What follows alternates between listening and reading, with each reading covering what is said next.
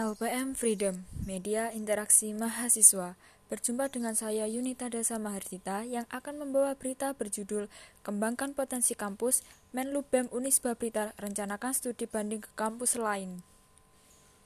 Menteri Luar Negeri atau Menlu Badan Eksekutif Mahasiswa atau BEM Universitas Islam Blitar atau Unisba Blitar merencanakan studi banding ke sejumlah kampus guna mengembangkan potensi yang dimiliki kampus.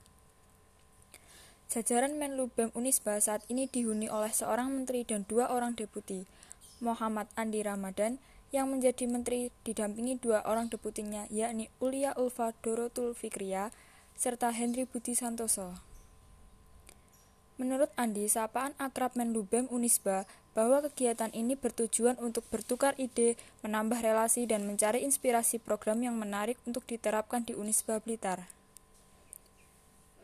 Ia merencanakan beberapa kampus yang akan dijadikan tujuan dari kegiatan studi banding, sementara ini tujuannya adalah Universitas Negeri Surabaya atau UNESA dan Universitas Nahdlatul Ulama Surabaya atau UNUSA.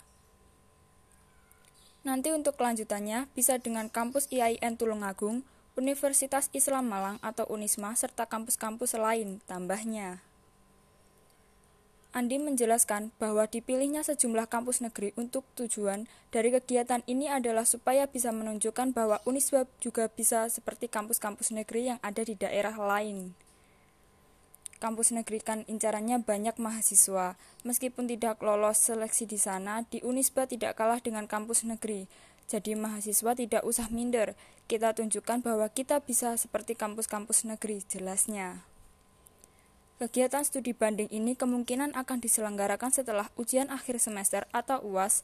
Mengingat kondisi pandemi serta adanya PPKM, maka perlu adanya koordinasi dengan para deputi dan juga izin dari pihak kampus. Sekian berita yang saya bawakan. Terima kasih.